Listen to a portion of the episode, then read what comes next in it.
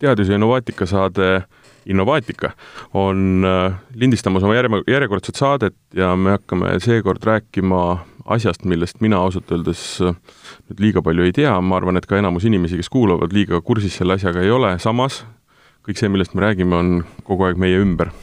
meie kodudes, meie autos, igal pool. me hakkame täpselt rääkima külmainetest ja veel täpsemalt siis alternatiivsetest külmainetest.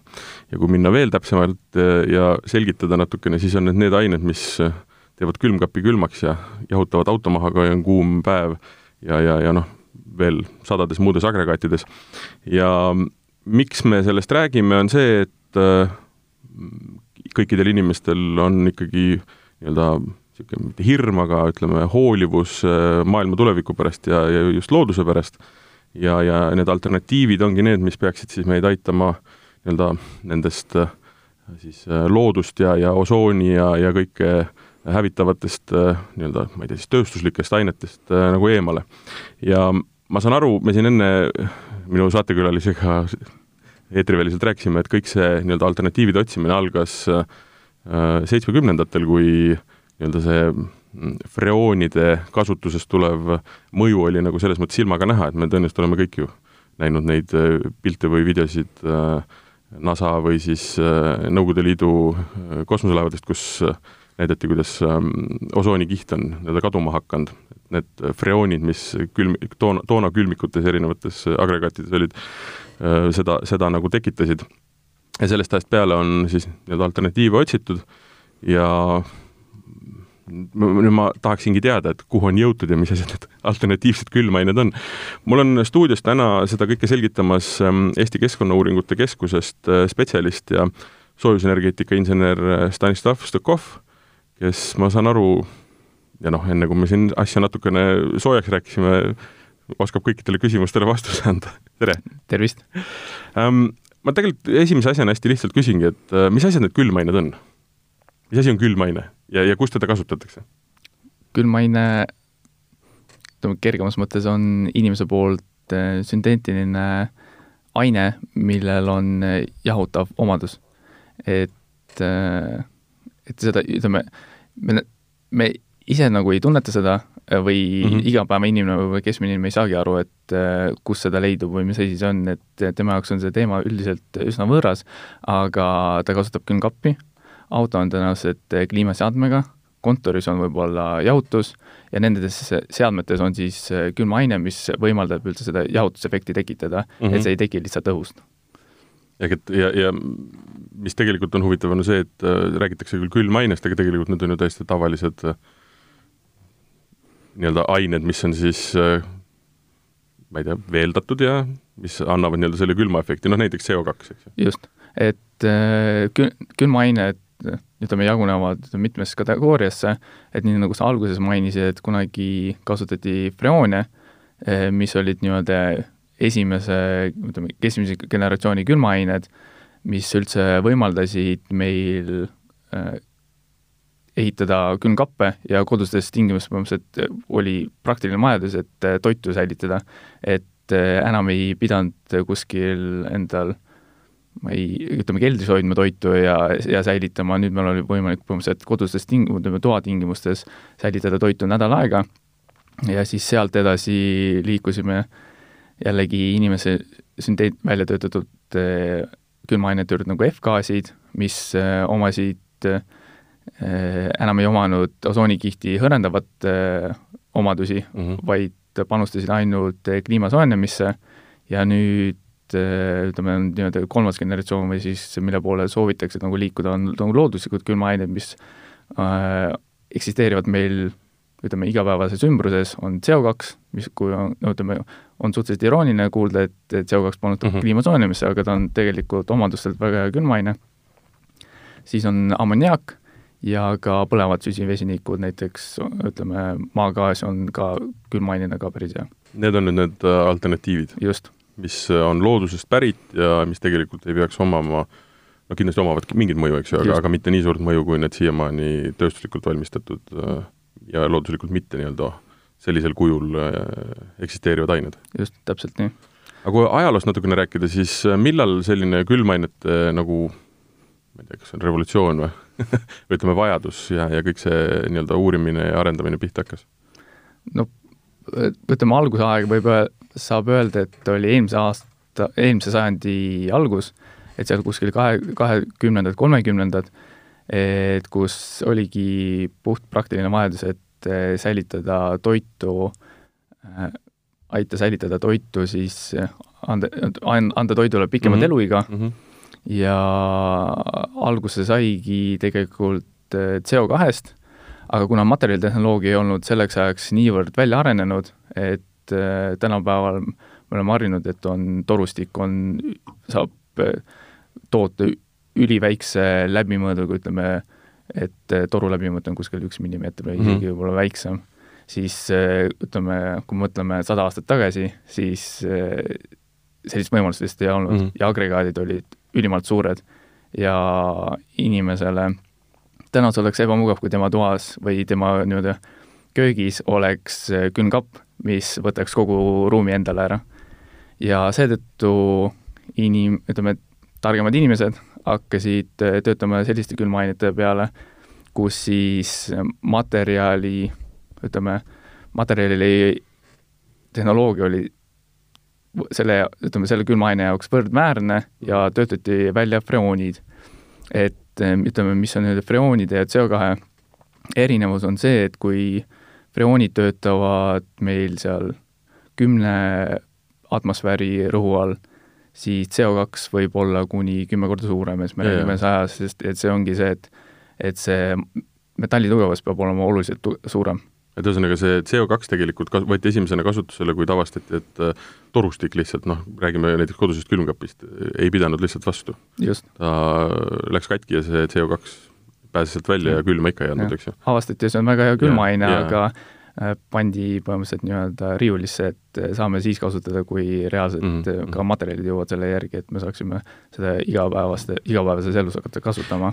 ehk ühesõnaga, inimene avastas ühe hea asja, siis avastas, et see ei toimi tänases nii-öelda siis materjaliteaduslikus aspektis Just. ja läksid siis nii-öelda loodust reostavama lahenduse teed, eks ju? et sealt siis äh, hakati, töötati välja freoonid Äh, nii-öelda tava, äh, inimkeeles, mida ütleme, kõige enam on käibel olnud, aga ütleme, kolmkümmend, nelikümmend aastat hiljem avastati, et need freoonid siis panustavad äh, osoonikihti hõrenemisse. oli siis juba seitsmekümnendatel, eks ju? Mhm. et samuti neil oli ka väga kõrge globaalne soojenduspotentsiaal, et noh, külmaainete juures me peame ka rääkima sellest, et Neid kõiki hinnatakse GVP alusel, mis on siis Global Warming Potential või kliima soojenemise potentsiaal mm. -hmm.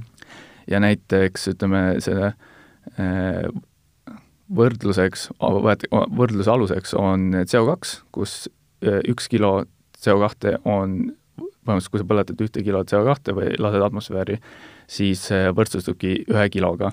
aga külmaainete puhul äh, on nii, et kui me võtame võtame praegu suvalise näite, R sada kolmkümmend neli A. mis on R sada kolmkümmend neli A? et äh, R sada kolmkümmend neli A on varasemalt kasutati meil sõiduautode kliimaseadmetes mm -hmm. kui ka külmkapp, külmkappides. et aga ma küsin veel, kas see on mingi konkreetne nüüd, äh, see on mingi element konkreetne või ta on mingi, mingi, kust ta, kust ta pärit on, kuidas ta saadud on, millest ta alguse on saanud? seda on mul äh, raske kirjeldada, et äh, see on, ongi laborite tingimustes äh, välja töötatud. aga ta ei ole mingisuguse olemasoleva aine nii-öelda derivaat või sellest tulnud, ta on lihtsalt täiesti uus Just, aine? ta on puhtalt äh, sünteetiline inimese poolt loodud külmaine. sellist ainet varem ja, ei olnud olemas? ei ole olnud ja, ja seda ja looduses niimoodi vabalt ei eksisteeri ega pullul kuskil ta ei jookse, ei jookse ringi R sada kolmkümmend neli ei jookse ringi just, et, äh, et selle, selle külmaaine GVP on siis tuhat nelisada kolmkümmend, mis tähendab seda, et kui sa lased õhku ühte kilo äh, sada kolmkümmend neli A-d, siis äh, see võrdsustub siis tuhande neljasaja kolmekümne kiloga CO2-ga.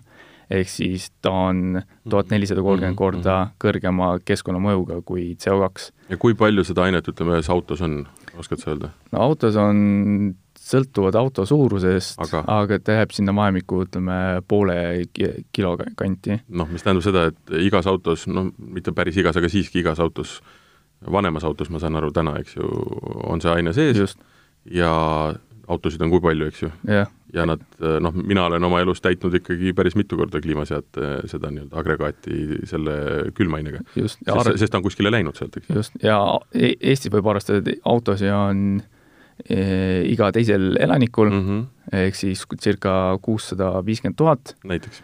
et ja seadmetel on lisaks ka nii-öelda loomulik lekkeprotsent, mm. -hmm. et sa niikuinii pead, ütleme, kahe-kolme aastaga seda täitma ja see kõik satub meile nagu atmosfääri. no ütleme niimoodi, et võtame kõik koefitsiendid maha, jagame poolega ja saame umbes noh, ütleme laias laastus kakssada viiskümmend tuhat liitrit äh, potentsiaalselt lekkivat ainet, eks ju, mille tuleb siis veel korrutada selle tuhande neljasaja neljakümnega, just, mis, et saada CO2 just mm. -hmm.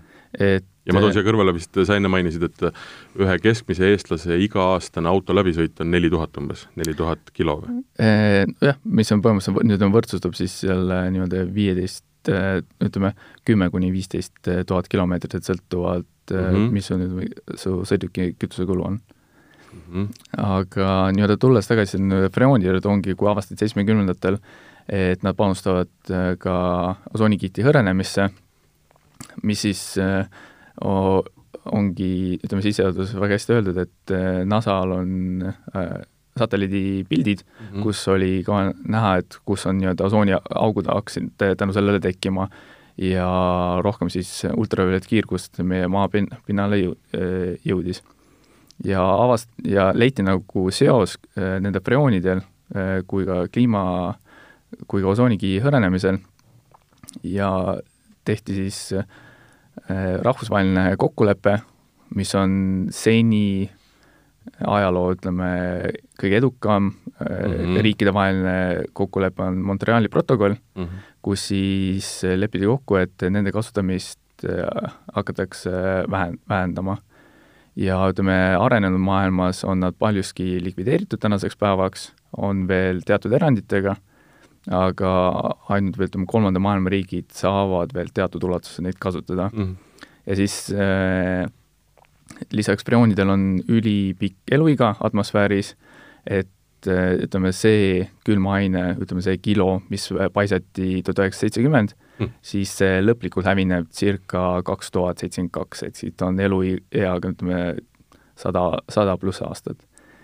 Ja sealt siis liiguti edasi järgmise sü- inimkonna loodud sünteetiliste äh, külmaainete poole see on see teine generatsioon. jah, et äh, mida tavaliselt nimetatakse äh, F-gaasideks mm. -hmm. või siis äh, HFC-d ja neil siis äh, võeti, ütleme, suudeti välja anda selline, et millel ei ole osoonikihti hõrendamispotentsiaali, kuid äh, siiski ikkagi panustavad äh, kliima soojenemisse. Ja nüüd on, ütleme, oleme jõudnud tänase hetkesse, kus siis li üritatakse liikuda selliste külmaainete poole, mis ei oma ei kliima äh, tähendab, osoonikihi hõrenemist mm -hmm. ega ka väga suurt äh, kliima soojenemise potentsiaali. mõju, jah. just. aga miks seal seitsmekümnendatel, kui see freoonidest hakati nii-öelda eemalduma, ei tuldud nende nii-öelda loomulike gaaside juurde? ikka seesama materjaliteadus või? just, et mm -hmm. ütleme, need looduslikud külmaained on meil põhiliselt, on CO2, ammoniaak ja ka äh, põlevad süsivesinikud, ehk siis tsirk-, ütleme, maagaas mm. -hmm. et äh, ammoniaagil on ütleme, suht-, suhteliselt aegadest algusest on tööstusjahutuses äh, kasutatud. et nii palju, kui on tööstusjahutused nüüd eksisteerinud, seda, on seda kasutatud, ta on suhteliselt öö, oma füüsikaliste omaduste pärast väga hea külmaine, et ta GVP on null, ehk siis ta ei panusta ei osoonikihi hõrenemisse kui ka öö, kliima soojenemisse mm. -hmm. aga ta on mürgine toksiline gaas. Et ja ütleme, et tema omadusi kõige paremini ära kasutada, sul peab olema ütleme siiski suuremad seadmed või suurema võimsusega seadmed, et et seda ära kasutada efektiivselt, et ütleme, tavatingimustes või kodustes tingimustes külmkapis või mingis soojuspumbas või kliimaseadmes, teda ei ole nagu veel, veel, veel vähemalt jõutud nii kaugele, et oleks mõtteks nagu kasutada. no see tähendaks seda, et sul on seina peal või nurgas aparaat, mille sees on rõhk, mis ületab nagu ütleme, arusaamad, inimeste arusaamad, eks ju. olgugi, et see on väiksed äh, torud ja väike nii-öelda suletud süsteem, et äh, ei tahaks seda omale koju. veel mitte, võib-olla kunagi tulevikus, et kui Ja, leitakse mingi lahendus, mis on nagu ohutule eh, ütleme, tavapärases, tava, tavapärases inimese keskkonnas. Ja ütleme, CO2 puhul on jah, et üldjuhul tema nii-öelda, et teda veeldada ja kasutada teda külmaainena on vaja väga suurt rõhku ja siis ütleme, seitsmekümnendatel veel jällegi materjalitehnoloogia ei olnud nii kau- kaugele arenenud, tööstusjahutuses mingil määral teda kasutati ja kasutatakse, kuid põhilised on ikkagi see ammon-, ütleme, ammoniaak, mis on, ütleme, hea alternatiiv. ja siis ka põlevad eh, süsivesinikud mm. -hmm. aga jällegi ütleme, kui me mõtleme maagaasi pool, puhul ja külmaainena, siis ütleme, tema põhiline piirang on see ohutuse tagamine Mm -hmm. et äh, et isegi tänapäeval, kui teda on hakatud rohkem ena-, enam nagu levima, siis põhiline on te-, te, tema nii-öelda kogust seadmes on äh, ikkagi piiratud. et äh, kui ta ikkagi äh, lekib täiesti välja, siis ütleme, see väike kogus isegi, mis seal sees on, ei peaks tekitama mingit plahvatusohtu või peaks, ütleme, kortermaal mm Mhm. -hmm. olema või midagi sellist aga mis, mis ained need olid, ütleme seal seitsmekümnendatel, mida välja hakati töötama? Need ei olnud ka ju, need ei, need ei võtnud nii-öelda seda looduslikku ka aluseks, vaid hakati täiesti nullist laboris tegelikult äh, aineid looma, eks ju? just. Need olidki, ütleme, see teine generatsioon on siis F-gaasid ja tänapäeval, tänapäeva seadmetes ja on nad siiamaani väga levinud, et on R sada kolmkümmend neli A, mis on kuni kaks tuhat seitseteist aasta toodetud sõiduautode kliimaseadmetes, et kui te lähete, teete oma kapoti lahti mm -hmm. ja vaatate, kus on teie nii-öelda kliimaseadme äh, see nii-öelda balloon, kuhu te tavaliselt seda, seda külmaainet nagu sisse pummatakse, siis te näete, et seal on peale kirjutatud äh, suure tõenäosusega R sada kolmkümmend neli A. mm. -hmm. siis ka külmkappides sama aine? sama aine ja ka ütleme, ütleme need külmaained nii-öelda jagunevad enam-vähem kasutusvaldkondade järgi, et sõltuvalt, kui suurt jahutust, jahutusvõimsust on tarvis, et ütleme, R sada kolmkümmend neli A on konkreetselt selline kesk, kesk, ütleme keskkülm mm -hmm. või, või keskmise temperatuuri külma saavutamiseks, siis on meil ütleme, kaupluskettide külmutussüsteemid, seal kasutatakse R nelisada neli, et ütleme, miks seal on, ütleme, külmaainete puhul on üldse selline huvitav jada nagu nelisada neli või ütleme, nelisada seeria siis on veel sajased seeriad, et, et, et ütleme, kõik külmaained, mis hakkavad number ühega, on ühekomponentsed, et nad ongi mm -hmm. üks, üks aine, aga kõik, mis on ütleme alates, ütleme seal R4, on juba seal koosnevad vähemalt kolmest külmaainest mm, -hmm. et nad on mitmekomponentsed, nad on struktuurilt palju keerulisemad millest ja, igaüks annab mingisuguse omaduse, eks ju. just, mida üritatakse saavutada, kas, kas et seadme elu, eluiga pikendada mm. või seda jahutusvõimsust paremini tagada või teatud temperatuuri hoida või mida iganes. ja ongi, ütleme, R404 on kaupluskettides seni kõige dominant, dominantsem külmaaine, aga nüüd viimase viie aasta jooksul on väga suur arenguhüpe on toimunud ja paljuski uued toidupoed, mis meil ehitatakse, kui ka rekonstrueeritakse mm, -hmm. minnakse üle CO2 peale, noh mm. -hmm. et äh, tänaseks on see materjalitehnoloogia võimaldanud, et meil on metallitugevus niivõrd hea, ka väiksemate läbimõttude puhul, torude puhul, et äh, saab CO2 kasutada mm. -hmm. väga hea. nüüd me teame, et on kolm generatsiooni külmaaineid, eks ju.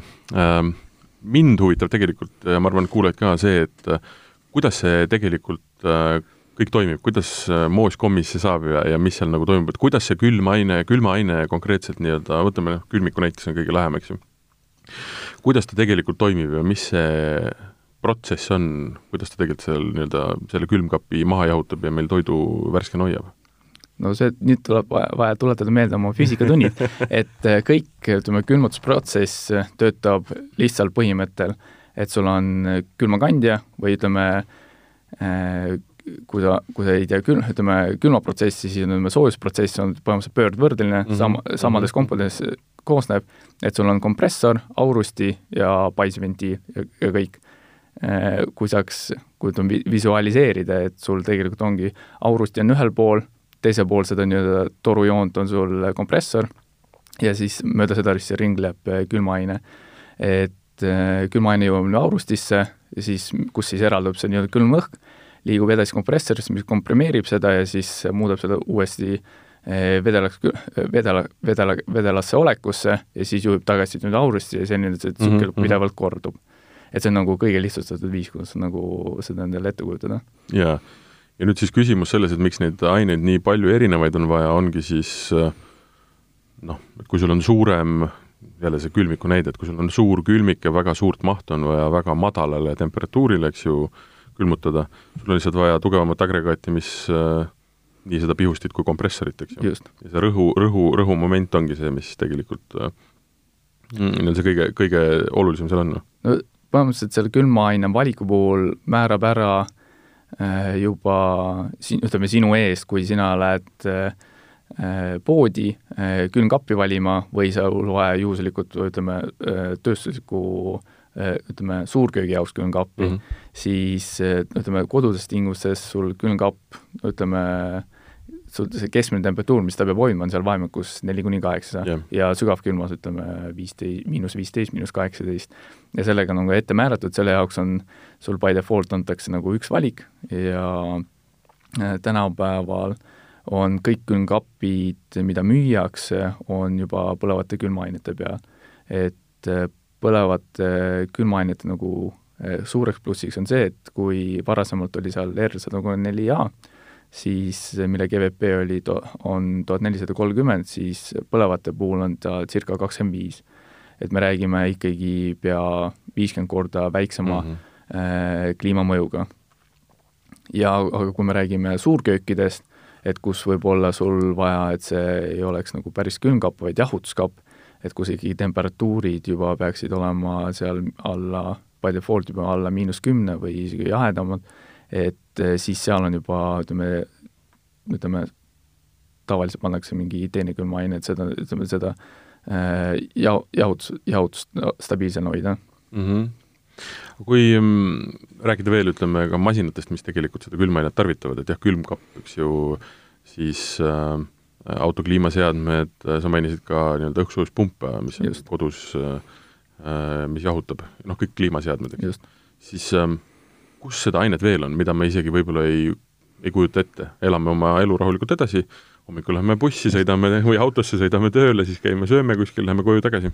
et äh, kõige huvitavam on see, et äh, lisaks ütleme, nende F-gaaside headele jahutusvõimsusele on avastatud, et nad ka äh, äh, laiendavad kopsude veresooni, et siis neid on, kasutatakse ka inhalaatorites ja igasuguses pihustites, mis sa kurku endale paned, et et üks on see nii-öelda Eesti omadus e, Eesti toode, kus on see meekärg on peal yeah., ma ei mäleta, mis selle täpsem nimi on uh,. mõtleme välja, mul, ma tean täpselt, ma arvan, et kõik inimesed teavad, millest sa räägid. mis on sellise rõveda maitsega mm, -hmm. aga kergendab sinu, lühendab sinu seda äh, Äh, haigusaega yeah., aga seal, kui keegi, äh, kes igapäevaselt inhalaatorit kasutab ja võib-olla on näinud, siis koostis on näiteks R sada kolmkümmend neli A, mhm. et ongi, see asi sobib nii sulle põhimõtteliselt kopsudesse kui ka kliimaseadme, ütleme, auto, sõiduki kliimaseadmesse.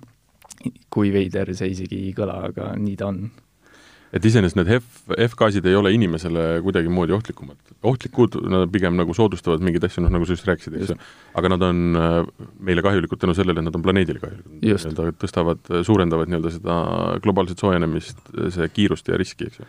just, ütleme, et mis on nagu nende freoonide kui ka F, F-gaaside puhul on nagu eeliseks, on see, et nad on olnud eh, neid, ütleme, kõiki külmaaineid pannakse ohutusklassidesse ja freoonid kui F-gaasid on nii-öelda ohutusklass A1 märgitud, need on rahvusvaheliselt kokku lepitud, mis ei ole ei toksilised, ei lämbumisohuga, ei põlevad, ei midagi selliste omadustega, et kui midagi peaks juhtuma, mingi avarii ja nad paiskuvad õhku, kui sa just ei ole kinnises ruumis, siis mitte midagi ei juhtu inimesega. aga nüüd, aga nüüd äh, nii-öelda looduslike külmaainetega on juba see ohutusklass äh, palju ütleme, juba kõrgem. et äh, põlevate külmaainete puhul me räägime, ongi süttimisohust, äh, ammoniaagi puhul me räägime äh, toksilisusest, ja CO2-st võib olla lämbumine mm -hmm. või siis ongi, kuna suure rõhu äärel, siis võib toimuda nagu suurem pauk mm. -hmm. aga siit hea küsimus, kui palju, ütleme, seda mm, e, seda nii-öelda põlevainet, põlevat nii-öelda gaasilist ainet, e, mis seal külmkapis on, et kui palju seal ühes külm, tavalises koduses külmkapis on?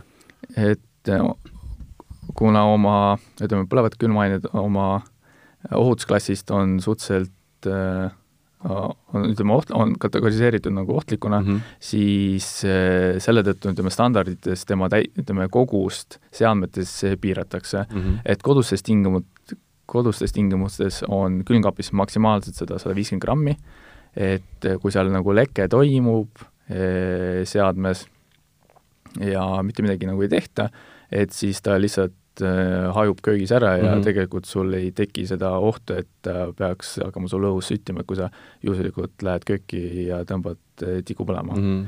Et... aga tal on, nendele on ikka juurde pandud ka nii-öelda nagu lõhnaained, eks ju? Sa põhimõtteliselt ikkagi tunned ära, kui lekib, on ju? just mm, -hmm. et kui sa just ei, selle tiku ei pane põlema ta sinna täpselt lekke kohas, siis nagu mitte midagi ei juhtu. et äh, aga noh, tavaliselt on meil külmkapp niikuinii vastu seina ja et sinna me üldjuhul nagu väga ei roni mm. -hmm. ja ütleme, suur, suuremates äh, jahutuslehtides või äh, suurköökide külmkappides on see kogus, on veidi suurem, et kuni pool kilo, aga nüüd selle aasta alguses lepiti rahvus, rahvusvaheliselt kokku, et täitekogust tõsta äh, kuni ühe kiloni siseruumides ja ütleme, kui sa paned katusele, siis seal on nagu äh, ei ole täpsemalt nagu määratletud, et kui suur täitekogus võib olla, aga noh, seal on, ütleme, standardis on välja kirjeldatud, et mida sa pead kõike arvestama, et mm -hmm. ja kui palju eh, siis sa võid maksimaalselt, ütleme, külmaainet kasutada per seade mm. -hmm. vot. et ohtlik, ohtlik loomulikult on noh, selles mõttes, et et isegi noh, jah, kõik, kõikide ütleme, niisuguste veidrate asjade kokkulangemisel sada kakskümmend milliliitrit ja sada kakskümmend viis milliliitrit on tegelikult ka, võib noh, ikkagi suurt nagu kahju tekitada. aga noh, üldiselt äh, ta lihtsalt imbub sealt nagu välja. aga nüüd ongi teine küsimus, et kuidas see leke toimub? Mm, noh, ütleme üldiselt, äh, mida inimesed aru saavad lekkest, on see, et kui kraan tilgub, eks ju. et gaasiga on nagu natukene keerulisem, et äh, et ühesõnaga, et ku-, ku-, kuidas see, kuidas see nagu toimib selles mõttes, et äh, tegelikult ju külmkappe käiakse ka parandamas tänu sellele, et sealt on see külmaine nii-öelda nagu kaduma läinud, aga samas ega külmkapp iseenesest ei ole ju katki, selle mm -hmm. saab, ta, ta, ühesõnaga, mis, kuhu ma tahan jõuda, on see, et seal on mingisugune mikro nagu pragu või mikro mingisugune vigastus, kus ta tegelikult siis aja jooksul väga-väga-väga väikestes kogustes nagu lahkub, eks ju. just, et äh, tavaliselt on nendeks kohtadeks on iga, iga, igasugused äh, liidesed ja liitmikud, et seal ongi selle kompressori või aurusti juures või äh, torude äh, jootmisel äh,, ühendamisel on mingid, ütleme, praaki tehtud, et siis tavaliselt sealt, et ütleme, need äh, tavaliselt külmkapid, ütleme, kodustes külmkappides ütleme, et loomulik kadu on seal suhteliselt ikka väike, ütleme ühest-kahest protsendist mm, -hmm. et eh, nad on ikkagi eh, ütleme, mis on nagu nende eelis, on see, et nad on tehases kõik eh, kokku pandud ja sellega arvestatud, et tänu sellele ongi see leke on nagu minimaalne. aga nende süsteemide puhul, kui me räägime suurtes nagu kaupluskettides, või ladudes või kus iganes, et kus ikkagi süsteem koosneb, ütleme, kümnetest, kümnetest meetritest torudest, mis on koha peal kokku pandud, siis ütleme, see koostöö eh, kvaliteet juba hakkab paljuski määrama, et palju siis selle mhm. süsteemi mm -hmm. nagu lekkemäär saab olema. aga ütleme, Eesti turul, kui üldse nagu kogu sellest külmaaine turust rääkida, siis hetkel on, ütleme, see nii-öelda Eesti Äh, ütleme, riigipank või palju see, palju üldse seda külmaainet ringi on, circa äh, kaheksasada tonni. seda sa räägid nüüd kõikides aparaatides Just, äh, kõik. ja, ja, ja masinates, mis on üldse Eestis olemas, erariiklik, kus iganes. just, just, just, et kus iganes, ütleme, kas ER134 või ükskõik mis seeria, palju seda üldse kokku on, seal on, on hinnatud circa kaheksasada tonni. ütleme, maailmas on kuskil kaheksasada tuhat tonni, et meie Eesti nii-öelda pank, ütleme see mhm. suur on niisugune seal null koma null null üks protsenti, mis ütleme, võib öelda, et nagu noh, suhteliselt väike võrreldes äh, ülejäänud maailmaga, aga äh, lekke, nende ütleme, sealt seadmetest nagu leke on circa äh, seitsekümmend tonni, ja siis ta jääb sinna, ütleme, kõikide seadmete peale kokku kuskil ütleme, kaheksa-üheksa protsenti mhm. aastas ja mis võrdsustub siis äh, circa kakssada nelikümmend tuhat äh, tonni CO2-ga mm, -hmm. mis jällegi võrdsustub äh, viiekümne tuhande sõiduki, sõiduauto läbisõiduga keskmiselt aastas või siis neljakümne tuhande kodumajapidamise energiatarbimisega mm. -hmm. et, et see on nagu lisaks sellele, mida auto, auto nagu paiskab veel mootorikütuse yeah, põletamisest yeah,. Yeah, mis tähendab seda, et põhimõtteliselt kui nüüd minna nendele alternatiividele üle, on võimalik see viia siis noh, kui sa mainisid, et nendel nii-öelda maagaasidel või on kakskümmend viis äh, see suhtarv, siis ammoniaagil on on null. on null, äh, CO2-l on null, eks ju? CO2-l on üks. no üks, jah, vabandust, üks muidugi. et, et siis tegelikult on ikkagi nagu harukordselt võimalik, noh, haru, harukordselt suurelt võimalik nii-öelda vähendada seda Just. mõju, mis tegelikult on noh, kuidas ma ütlen, kui sa autoga sõidad, sa, sa mõistad, mis sa teed, eks ju. et noh, sa paiskad, sa paned, paned kütust, äh, mootor põletab ja, ja see on saaste, eks ju, aga sa ei mõtle selle peale, et see kodune külmkapp või või kliimaseade tegelikult sedasama teeb kogu aeg vaikselt, eks ju. jaa, täpselt, no seal ongi äh, isegi kui ütleme, su äh, eluea jooksul sul külmkappi ei ole, ei olnud tarvis nagu remontida vaja, siis paljuski nüüd hakkab määrama see utiliseerimine, et kuidas see läbi korraldatakse, et mm -hmm. esimene asi on see, et peaks tegelikult selle gaasi koguma ballooni, välja pumpama ja kokku koguma. et kui seda niisama hakatakse kohe, ütleme, äh, kuskil vanametallis lõhkuma, see noh, see te-, tegelikult paiskub kõik õhku ja nagu ütleme, looduse hoidmisest tegelikult juttu olla ei saagi.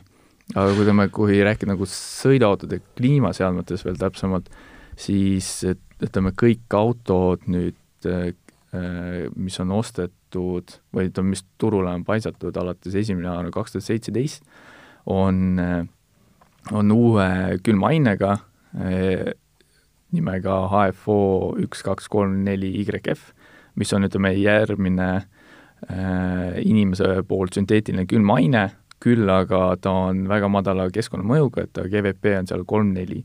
Et äh, väga suur hüpe võrreldes nüüd selle, ütleme, eelmise generatsiooni mm -hmm. saja kolmekümne neljaga. aga ütleme, hinna poolest see, äh, see äh, üks, kaks, kolm, neli YF on oluliselt Eh, kõrgema hinnaga mm. -hmm. et kui võib-olla keegi on nagu tähele pannud, et noh, nagu ma olen ise ka ütleme, sõiduauto omanik, et kui eelmine aasta äh, siin Tallinnas ütleme, see kliimaseadme täitmine oli circa, noh, täitmine pluss hooldus oli circa nelikümmend eurot, siis see aasta suvi oli juba viiskümmend viis. Mhm. et äh, üks asi on see, et äh, sõltuvalt siis su seadme äh, külmaainest on väga palju määrab rolli, pluss veel lisaks ütleme seal ka Euroopa Liidu seadusandlus, mis sunnib ütleme, hakka-, on hakanud piirama seda, ütleme, uue külmaaine tulekut turule ja tõstnud siis ütleme, kaud-, kaudselt on hakanud ka mõjutama ka tarbijat aga samas see on ikkagi noh, nii väike hinnavahe, kui sa ütled nelikümmend ja viiskümmend viis, eks ju. mis tähendab seda, et noh, et niisuguse ähm, musta turu tekkeks ikkagi põhjust ei ole.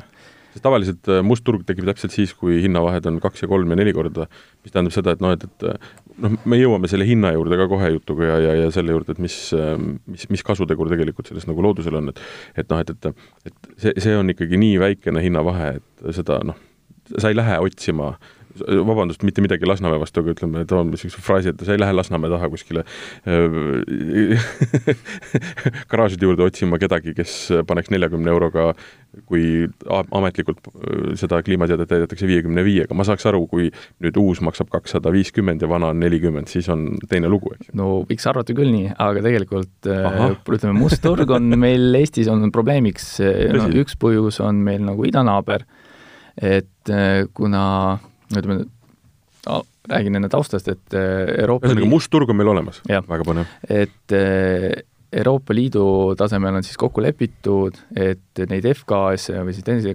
teise generatsiooni külmaaineid hakatakse, nende kasutust hakatakse piirama ja vähendama ja ütleme, riikide, liikmesriikide vahel lihtsalt on kokku lepitud, et et äh, uue külmaaine äh, turule tulekut hakatakse ajas vähendama kuni ütleme, järgmise kümne aasta jooksul.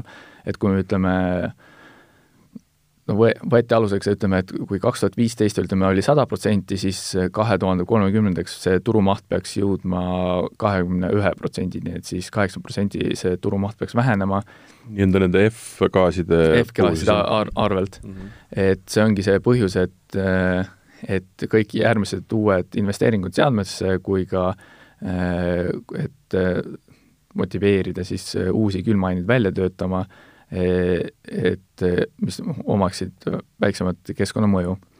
ja selle tõttu on, ütleme, see on see üks põhjus, miks nagu külmaained on, ütleme, F-gaasid on hakanud hind nagu tõusma ja kui me vaatame, ütleme, piiri taha meie naabrite poole, ehk siis Venemaa poole, siis neil sellist nagu regulatsiooni, et nad hakkavad vähendama või piirama nii eh, teatud mõttes ütleme, agressiivselt äh, seda valdkonda ei ole ja neil on külmaaine oluliselt soodsamalt, et kui räägime jällegi selle autode kliimaseadmes mm -hmm. külmaainest, siis meil ta tänasel hetkel sellisel ausal turul on circa ütleme, kolmkümmend euri kilo, aga sa räägid nüüd sellest äh, R saja kolmekümne neljast aasta mm, -hmm. on circa ütleme, kolmkümmend euri kilo mm, -hmm. noh, ütleme, kliimaseadmesse sul see kilo küll ei ole vaja aga mida su, ütleme, su mm, autotöökoda äh, umbes sellise hinnaga nagu sisse ostab, aga piiri taga ta on võib-olla seal kümme euri kilo või kui mitte odavam. okei okay,, arusaadav. et äh, ütleme,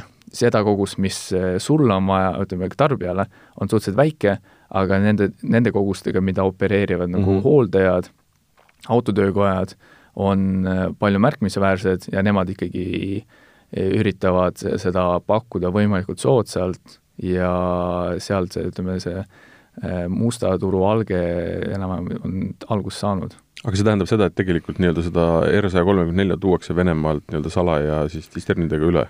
just, et mm tuuakse, eks ma olen kuulnud erinevaid skeeme, kuidas seda nagu tehakse, et et äh, autode siis kliimasüsteemides? Mi-, seal ei ole nagu Tuua... ainult nagu autode kliimasüsteemid, et meil ütleme ei ka..., ma ütlen, et niimoodi tuuakse üle piiri, poole, poole liitri kaupa. et on no, jah, et kui, kui ütleme, kümme aastat tagasi oli selline popp teema, et tuuakse kütust. Äh, su, ütleme, mingi Volkswagen Passatis, kus mm -hmm. sul see paak on seitsekümmend, kaheksakümmend liitrit yeah., siis äh, kui see nii-öelda seadusandlus jõustus Euroopa Liidu pool, siis hakati külmainet sealt eh, lihtsalt sinna sisse pumpama mm, -hmm. sinna paaki mm -hmm. ja üle piiri tooma. et äh, iga kord, kui mida, kuskil hakatakse keelama ja yeah, kohe inimesed yeah. näevad nagu võimalust, et mille pealt nagu võimalik raha tekkida mm, -hmm. endale nagu tekitada juurde. väga põnev aga ma saan aru, et äh, kui me räägime nendest alternatiivsetest külmaainetest veel, siis üks asi on jah, need looduslikud, täiesti looduslikud ained, aga ma saan aru, et niisugune üks circa seitsekümmend erinevat uh, täiesti laboris loodud uh, ainet on ka nii-öelda noh, mitte vist, nad on vist nagu arendamisel, eks ju, erinevates laborites ja, ja teadusasutustes või nad on juba olemas? ütleme see number ei ole ka selles mõttes oluline yeah,, eks ju, aga no ütleme, terve mingi suur ring äh, alternatiive, mis ei ole looduses olemas, aga on nii-öelda selle väga madala GV, mis ta on siis nii-öelda selle äh, globaalse globaalse soojenduspotentsiaaliga, pluss äh, ei ole kuidagi osoonile, osoonikihile nii-öelda ohtlik, et neid ka arendatakse välja, eks ju. just, et ütleme, seal on selle taga on si-, enam-vähem ütleme, kolm-neli keemiatööstusettevõtet mm, -hmm. kes sellega nagu tegelevad ja üritavad leida lahendusi, mis on, oleks äh, omadustelt, ehk siis jaotusvõimsuselt äh, sobilikud, äh, ütleme, füüsikalist, füüsikaliste omaduste poolest sobilikud, et nad ei oleks materjali korride-, korrodeeruvad, et seadmel oleks võimalikult pikk eluiga ja võib öelda ka, et nad oleksid ka rahakotisõbralikumad mm, -hmm. aga seal on, ütleme, seal on veidi teistsugune taust, et need äh, uued inimese, inimkonna poolt loodud külmaained on, selles ongi, et kuna ainult, ainult kolm-neli ettevõtet seda nagu äh, arendavad, siis teatud mõttes neil on ka selline monopoliseis, et mm -hmm. nende puhul on, on ka see külmaaine hind on veidi kõrgem kui ütleme praeguste F-gaaside puhul okay.. aga kui see, kuna see turu Euroopa Liidu poolt seda F-gaaside mahtu vähendatakse aasta-aastalt, siis mingi hetk need, ütleme, peaksid hinnad nagu võrdsustama tänu sellele. Aga siit tekib küsimus äh, konkreetselt nende nii-öelda, nende uute nii-öelda tööstuslikult loodud külmainete puhul, kas need on siis loodud ka nii spetsiifiliselt, et mõeldes väga konkreetsetele mingitele seadmetele, mõeldud väga konkreetsetele ma ei tea, eesmärkidele või väga konkreetsetele lahendustele? jah, seal on, seal on, ongi nüüd mõeldud niimoodi, et et kui ütleme, varasemalt äh, sõiduautos on kasutatud sada kolmkümmend neli, sada kolmkümmend neli A-d, siis et seal oleks nagu pakkuda asendusainet, siis ütleme, kui sul kaupluskeskustes on kasutatud senimaani ütleme nelisada neli A-d et seal oleks sul kohe nii-öelda mm -hmm. alternatiiv pakkuda ja kui sul on soojuspumpades on seni äh, üldjuhul väga levinud on nelisada kümme A, et eh, sinna nüüd konkreetselt pakutakse eh, nii-öelda alternatiiv, et sul on nagu valiku alternatiivi mm -hmm. külmainena kasutada. et see ongi sõltuvalt siis kasutusvaldkonnast kui ka seda nii-öelda, mis, mis su, ütleme, mis täpsemalt siis, kui, kui tugevat jahutusvõimsust või sul nagu kliendil on nagu soov mm. -hmm. et neil tegelikult igalühel on ikka väga konkreetne oma nii-öelda eesmärk, eks ju.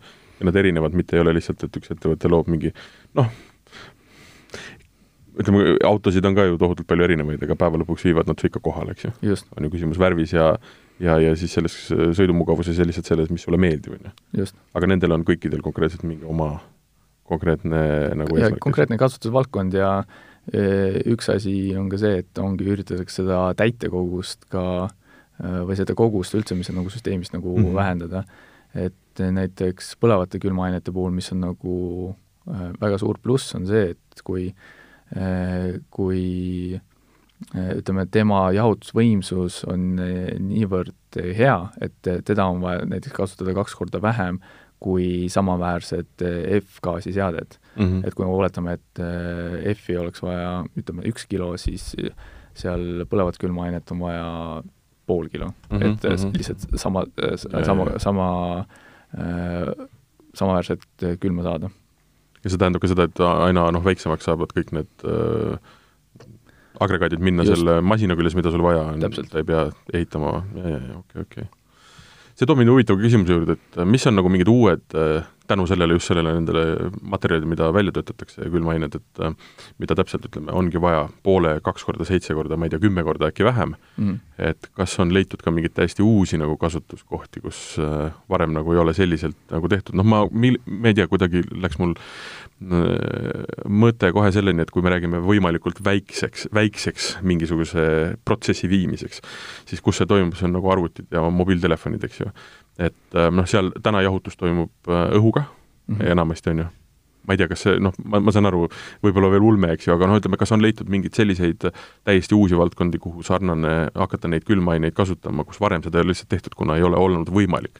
no ma ei taha arvutisse pool kilo vedelikku olgugi ta jahutab jube hästi, eks ju, ja ma saan, ma ei tea, troopikas või, või kuskil kõrbes viiekümne kraadise kuumusega kogu aeg tööd teha, on ju, et lihtsalt ma kohe nii ei oskagi niimoodi vastata, et eh, hetke, no võib-olla ongi see, üks on nagu meditsiin, kus neid eh, ja. kasutatakse, mis nagu varasemalt mainisin, nagu inhalaatorites mm, -hmm. et eh, muid valdkondi ma niimoodi kohe ei oskagi nimetada et... sest no tavaliselt niimoodi noh, avastataksegi, et nüüd on võimalik noh, täpselt seesama, et et miks tulid freoonid, oligi see, et lihtsalt üks toru ei pidanud vastu, noh mitte mingi, mitte mingit nii-öelda nagu ulmet seal ei olnud, see toru lihtsalt ei pidanud nii suurele rõhule vastu, täna peab, eks ju. aga et ja nüüd, kui sa suudad selle koguse viia nagu poolelt kilolt, me räägime, noh, ma ei tea, kümnele milliliitrile näiteks, siis noh, selle ma võin ju panna arvutisse küll jahutama nii-öelda ja sama teema on ju noh, ammu on räägitud, ma ei tea, kus kas see on nüüd äh, nii-öelda linnalegend, aga et arendatakse, on arendatud välja või noh, põhimõtteliselt on ta ju võimalik, eks ju. et on tehtud äh, nii-öelda tuuma äh, siis äh, reaktsiooni peal nii-öelda näiteks erinevaid akusid mm, mis on Mhm. nagu noh, uskumatult pikkade, eks ju, eluigadega jah, noh, selge on see, et sa ei taha arvutisse omale väikest nii-öelda reaktorit, eks ju, aga aga noh, võimalus on.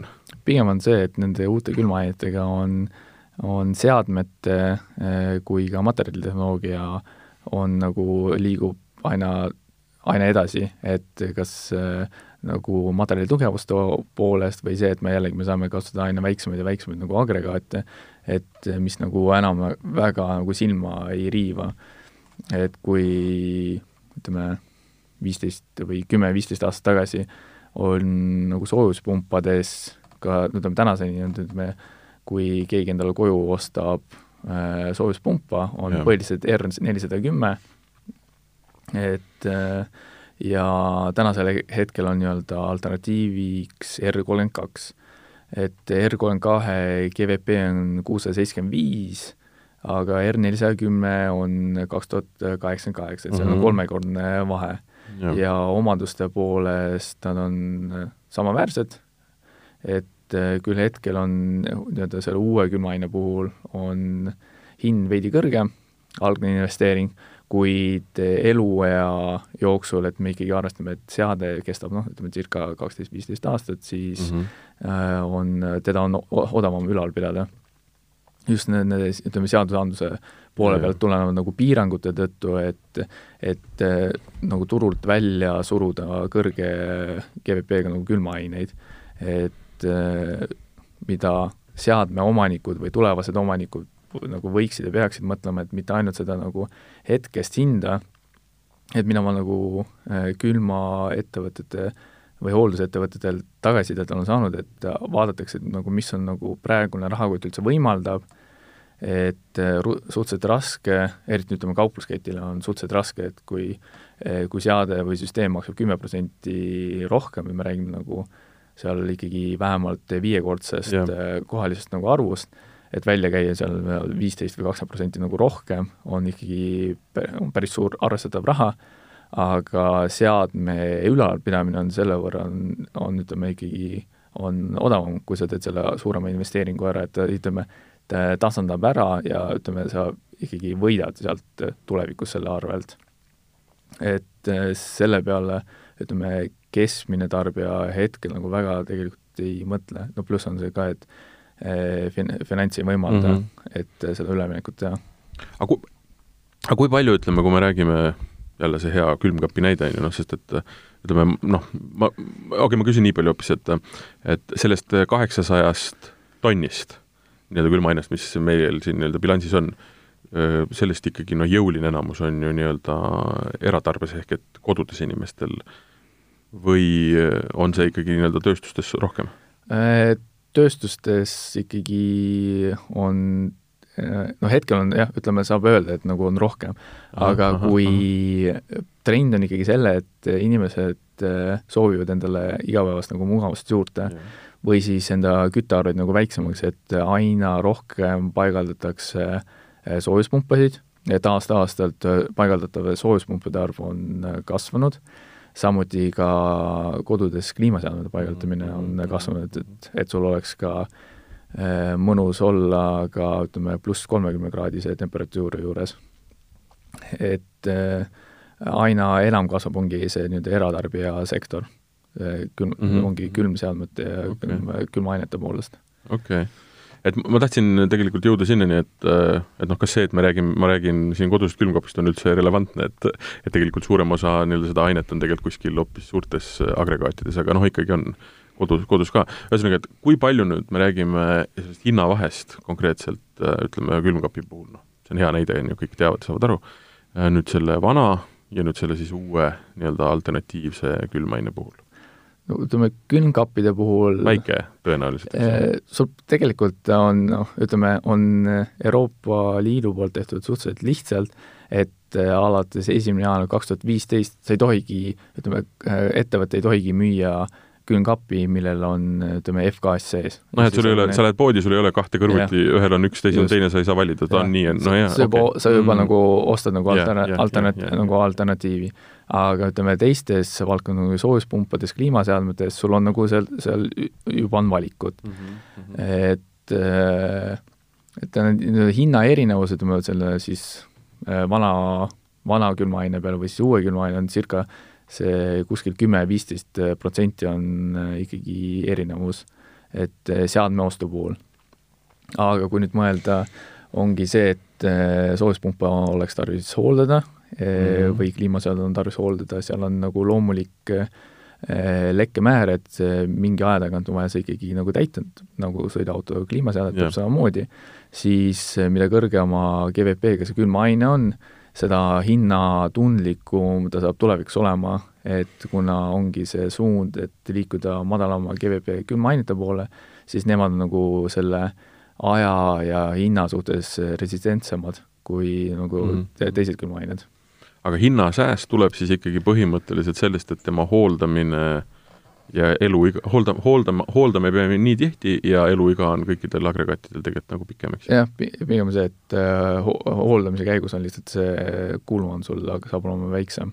Okei okay,, aga kui me läheme nüüd hästi praktiliseks, sa ütlesid, et külmkappide puhul on asi meil tehtud nagu lihtsaks, on ju, ma ei saa täna minna poodi ja osta midagi muud kui nii-öelda nende uute külmainetega külmkappi, noh, kodudes, mis on, on ju, um, või noh, tõenäoliselt järelturg on teine asi, sinna ei jõua minna, aga et kõikidel teistel agregaatidel on ikkagi, on, on, ei ole nii selge nii-öelda nagu et hetkel on, ütleme, on meil selline äh, valikuvabadus ja no ütleme, turumajanduslik olukord, aga jällegi ütleme, Euroopa Liidu äh, seadusandluse poole pealt äh, seal on pandud ette juba verstapo-, verstapostid, nii nagu mm -hmm. nagu külmkappide poole ja. pealt, et mingist hetkest, et näiteks ei tohi pakkudagi, ütleme, seadet, mille külmaine GVP on üle selle, üle teatud numbri, mm -hmm. et sul nagu tarbijana on seda ja. kergem teha, et sa ei pea nagu praegu, ütleme, seal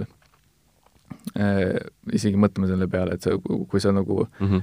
mingist hetkest, ootame, teed selle nagu seadmevahetuse, siis sa tead, et äh, seal on nagu väiksema keskkonnamõju kui külmaaine aga kui me täna räägime sellest, et äh, ma tahan, et minu jalajälg oleks väiksem, oleks loodusele nagu kasulikum, kasulikum, oleks loodusele vähem ohu, vähem ohtlik, eks ju, et siis äh, millele ma peaksin tähelepanu juhtima või pöörama ja kuidas ma üldse saan teada, mis seal nii-öelda seadmes näiteks kasutatakse. see peaks olema kuskil kirjas, eks ju aga nagu me, noh, ma ütlen, et ma eetriväliselt sulle enne rääkisin, et ma lugesin äh, ühte kodulehte, sinu enda nii-öelda tööandja kodulehte, seal oli väga, väga põnev oli kõik see. aga siis viskas neid samu R saja kolmekümne neljasid, mis mulle nüüd on nagu arusaadavaks mm. saanud selle peaaegu tunnise vestluse jooksul, aga, aga noh, anna andeks, noh, seal tuli yeah. neid niimoodi, et noh, et mis on mis, noh, mis iganes nad tähendasid, hiina keel, eks ju. Et kuidas, kuidas ise nagu endale see selgeks võib-olla teha, ma saan aru, et äh, see, kes müüb sulle seadme, tõenäoliselt teab seda ja võiks sulle selgitada, aga noh, et igaks juhuks kindel olla. kas see on kuskil kirjas, kas see on markeeritud mingi lihtsalt või sa peadki hakkama kaevama välja mingisuguseid äh, nu-, tähekombinatsioone? Äh, selle osas on, võib, ongi uurida meie Keskkonnauuringute Keskuse kodulehte, et meil on eraldi alamleht, ongi alternatiivid, et eh, mis eh, räägib eh, ütleme täpsemalt, mis need täpsemalt on ja mis on erineva kasutuse valdkonnas, et mis nagu võimalikud nagu lahendused, mida, mille vahel valida, aga ma olen ise ka, ütleme, vaatan ringi erinevate ettevõtete ja pakkujate reklaammaterjali kui ka tootetutvustusi, et mõningad ettevõtted toovad välja see, et mis külmaaine seal äh, näiteks mingi soojuspumbas või ütleme, suuremas äh, jahutusletis või milles on, siis jällegi on neid ettevõtteid, kes seda nagu väga äh, tegelikult välja ei toogi. no põhjus on nagu väga lihtne, inimene ei oskagi nagu selle peale väga nagu mõelda. et äh, teadlik tarbija äh, äh, alati on võimalik ettevõttel nagu juurde küsida ja selle vastusega saab, et äh, seda nagu nad ei hoia tagasi, aga ka need ettevõtted, kes äh, ütleme, ütleme see eh, rohepööre on suhteliselt eh, väga suur teema ka Eestisse jõudnud, et kui vähegi selline toode neil eh, portfellis on, seda nad ka reklaamivad. et mm -hmm. ta on väiksema jalajäljega, rohelisem, keskkonnasäästlikum, et seda on nagu tulede ja viljadega tuuakse ka välja. Et, et ka nii-öelda ettevõtted on saanud aru, et et Eesti ühiskond ka liigub nagu selle poole, et hoolitakse rohkem, et mis meil nagu ümbritsev keskkond teeb. minu üks niisugune soovitus kõikidele inimestele on noh, eriti siin niisugune raha ja mingite investeeringute tegemisel on alati arvutada. ja arvutada mitte, et palju see nüüd mulle maksab ja mida ma selle raha eest muud võiksin saada, räägime sellest vahest näiteks, ütleme mm., räägime seal, noh, külmkapp halb näide, aga ütleme noh, seal võivad ikka teinekord olla viie, kümne, saja eurosed võib-olla mis iganes vahed, olenevalt aparaadist, eks ju, et tuleb alati arvestada ja arvutada välja noh, nii-öelda see kulu, mida sa täna teed äh, selle asja eluea suhtes. et noh, alati väga hea näide on näiteks sinu, sinu voodi, eks ju. et äh, noh, voodi on niisugune noh, viisteist aastat näiteks, on ju, kui sa ostad äh, hea asja, korruta see viisteist kaheteistkümnega, saad kuu ja siis jaga see selle summaga ja sa saad aru, kui vähe tegelikult see maksab, aga kui palju sa nagu juurde saad. kui sa ostad omale hea kvaliteet, unekvaliteet, eks ju noh, see on veel järgmine tase, mis sa sellest saad ja kui rõõmus oled ja kui, kui, kui nagu tore sa oled oma perele ja, ja, ja, ja kolleegidele ja kui hea on sporti teha ja tunda ennast hästi, eks ju. ja kui palju sina sellega veel mõjutad teisi inimesi. absoluutselt. ja siis sa saad aru, et see kõik maksab sulle viisteist eurot päevas, eks ju. ja, ja noh, et, et, et see arvutus tuleks nagu teha, et siis sa mõistad, et mm, et esiteks see ei ole üldse mingisugune väga suur investeering millele lisandub siis see, et sa ei pea minema taga mingil hetkel remonti. ta lihtsalt peab sul vastu.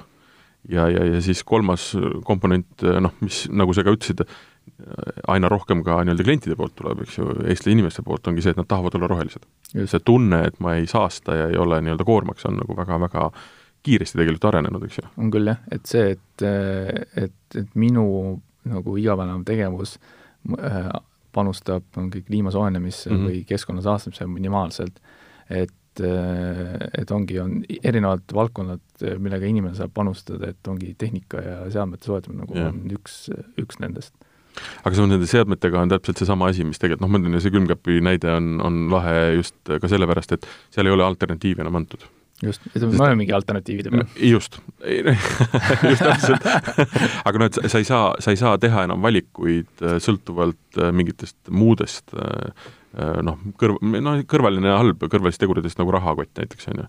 et sul ongi üks valik ja, ja see ongi juba nii-öelda rohelisem. ja, ja, ja parem et ja. ma arvan, et niisuguste seadmete puhul see valik tuleb minu eest nagu ära teha, sest et noh, ma ütlen, et, et see, et minul on võimalus sinuga tund aega sellest rääkida, on minu silmad avanud, eks ju, ma saan teada, millest me räägime, mis see erinevused on, enamusel inimestel ei ole seda. ma loodan, et nad kuulavad seda ja. saadet ja saavad targaks, aga noh, ütleme laias laastus ikkagi ei ole, et see tuleb nende eest ära teha.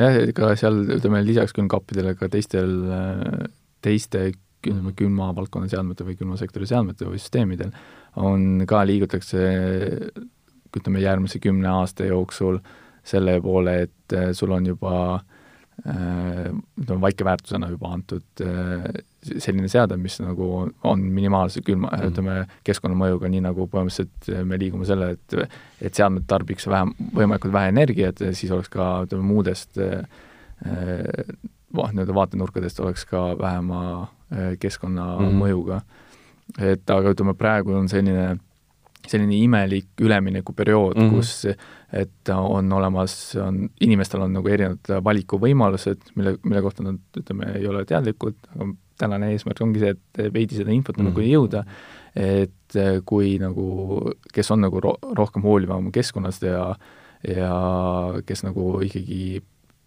üritab oma käitumisega ütleme, keskkonnamõju vähendada, et siis et äh, nagu ütleme, uurida ja no, lähemalt, kui ja. täpsemalt on mingi, mingi konkreetse asja nagu ostusoov on kui me natuke räägime ka sellest äh, konkreetselt nii-öelda loodussäästust ja rohelise jalajälje vähendamisest, siis üks asi on just see, et inimese enda nii-öelda tunne on parem, kui ma olen, ei ole koormaks.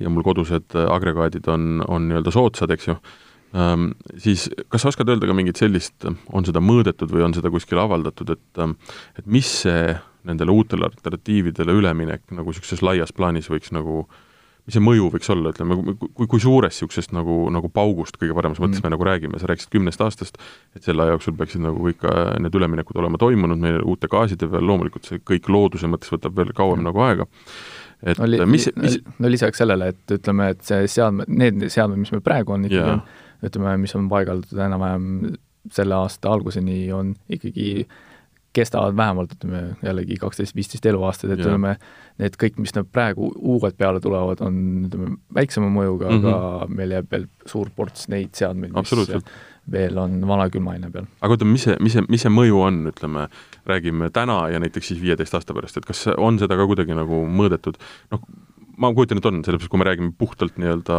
äh, CO2 arvutatuna kõikidest nendest kadudest, siis ma arvan, see ei ole väga keeruline arvutus, eks ju. ütleme, ütleme suures pildis äh, väga palju nagu räägitud on äh, nii, on uudistes nagu välja tulnud, on see kliimaneutraalsuse teema mm -hmm. ja see on üks valdkond, mis ka aitab sellele kaasa, et neid eesmärke saavutada.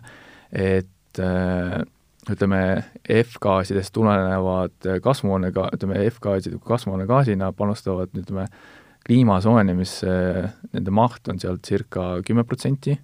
Ja kuna nad on nii suure eh, efektiga võrreldes no ütleme, tavapärase CO2-ga, siis on, ütleme, miks on Euroopa Liidu tasemel kui ka ütleme, maailma tasemel sellele kiiresti, kiiresti öeld-, üritatud panda nagu stopp peale mm, -hmm ja seda nagu kasvu äh, kärpida, sellepärast et ütleme, see külmavaldkond äh, laieneb seal äh, jällegi aastas ka kümme, kaksteist protsenti, et kui see oleks nagu jätkanud sama, sama viisi edasi nagu freoonidega kolmkümmend, nelikümmend mhm. aastat, et siis me oleme, oleks jõudnud jällegi sellise kriisihetkeni, noh mm -hmm. tegelikult juba mm -hmm. räägitakse, et yeah. kliima soojenemise puhul on ka suhteliselt selle kri-, kri-, kriisipunktis juba ja ütleme, tänu sellele siis liikudes alternatiivsete külmaainete poole, siis ütleme, see, nende mõju või panus kliima soojenemisse nagu väheneb ja hakkaks ajas siis see, see osakaal hakkab nagu mhm. vähenema. kümme protsenti ei ole väike number, see on väga-väga-väga suur jah, lennundusest on hinnatud, oli kui ma ei eksi, vist viis või kuus protsenti nagu kogu yeah, lendus ja, ja seda räägitakse, et vaja suuri muutusi vaja teha, aga et vaene lendussektor peab eh, oma, kõik oma põhimõtted ümber muutma ja lennukit ümber ehitama selle jaoks, et mingi muu kütuse peal kui ütleme, fossiilselt ja, ja. ümber minema. no lennundusest räägitakse, lennundus on seksikas ju. külmained, no mis asja. no täpselt paljud kuulsid neid esimest korda siit saatest, eks ju, et mis, mis, mis, mis see kõik on. et selles mõttes on see jah, hästi, hästi põnev, et ähm, et tegelikult äh, ei ole see mingisugune pisikene detail, vaid see on hästi-hästi suur osa tegelikult kogu sellest äh,, kogu sellest mõjust. noh, siin alati saab edasi minna ja, ja tulebki minna ja tuleb rääkida edasi ka sellest, et kuidas näiteks need agregaadid üldse valmistatakse.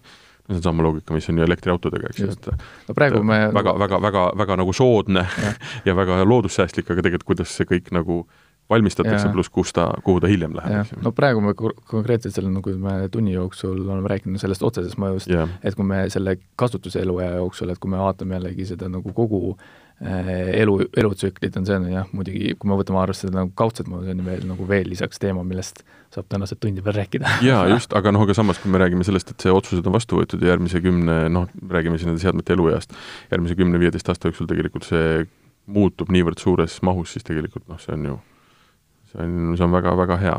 ja arvestades, et seal noh, otseselt noh, selles mõttes otseselt rohkem ei pea nagu midagi tegema, eks ju, no et, et sa ei pea tohutus mahus muutma mingisuguseid äh, tsükleid, vaid, vaid sa lihtsalt kasutad teist äh, ainet. tsüklites ma mõtlen seda, et kuidas sa, kuidas konkreetselt kõik see jada kuni selle külmkapini ähm, noh, nii-öelda toimib ja kui külmkapist siis tagasi algosakesteks, eks ju, et väga põnev.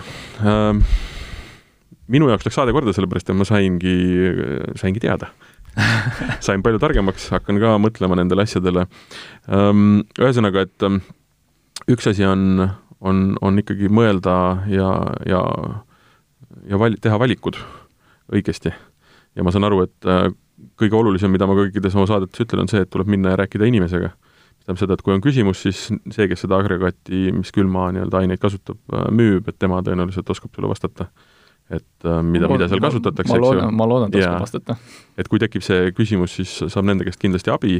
Äh, see ähm, veebilehekülg, millele me siin paar korda viitasime, selle ma panen äh, siia saate, saadet saatva teksti juurde lingina, et seda saab kindlasti siis sealt uurima minna, see on küll no nüüd sellele inimesele, kes kuulas saate ära, ei ole enam nii arusaamatu. et saab sealt veel asju rohkem juurde. aitäh, Stanislav! Väga, väga põnev oli. Ehm, Eesti Keskkonnauuringute Keskuse spetsialist ja soojusenergeetika insener Stanislav Stökov oli stuudios ja ma arvan, et ähm, kui on küsimusi, siis ma arvan, sinu poole saab ka pöörduda, kui tekivad tõesti mingisugused väga suured ja põhimõttelised asjad. just, et minu kontaktid on seal avalikult kättesaadavad, kui kellelgi on täpse, mingid täpsustavad küsimused mm, -hmm. saab alati kas kirjutada või helistada, et see on nagu üks osa tööst, mida me teeme suurepärane, aitäh sulle veel kord, minul oli väga põnev, ma loodan kuulajatel ka. saade, mida te kuulasite, oli Innovaatika, me rääkisime alternatiivsetest küllmainetest. kui te panite selle saate käima nüüd, siis on viimane aeg minna tagasi ja hakata otsast kuulama. Ehm, järgmised saated äh, on meil koostöös Maaülikooliga ja lähme ma ei ütleks, et äh, lihtsamaid teid äh, ja radu nii-öelda käima, aga, aga tulevad võib-olla nii-öelda igapäevasemad jutud. aga seniks kena sügist!